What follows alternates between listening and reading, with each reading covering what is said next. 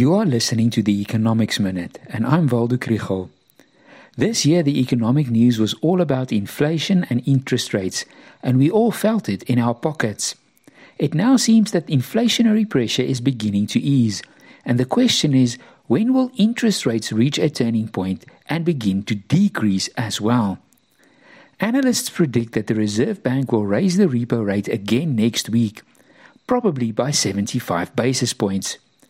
There are a few reasons why such a strict policy is needed. One is that the repo rate is still lower than the inflation rate. The other is that although the headline inflation rate is already a little lower than in July, the core inflation rate has continued to increase. The shock of higher food and fuel prices has spread to other prices and to wage demands. In addition, the value of the rand has already depreciated by 20% since April. As I said earlier, tight monetary policy is like a course of antibiotics. You can't just stop when the fever is broken. You have to make sure that the inflation virus is beaten. But what will happen next year? Some economists expect the inflation rate to decline sharply and the Reserve Bank to increase the repo rate by only another 25 basis points before they start cutting it. There's a base effect that will play a role.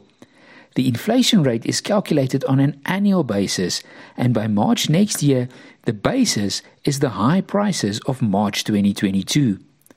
Price increases will therefore be proportionally smaller. Others think that inflation will not fall that quickly and that the repo rate will increase by 50 basis points in January and by 25 basis points in March. And that will then remain there for the course of the year. What happens in the US is also important. If they keep raising interest rates, we cannot afford to fall behind. All this can therefore raise the interest rate on your home loan payment or your vehicle financing by 1.5 percentage points altogether. This is going to put a lot of pressure on a number of budgets.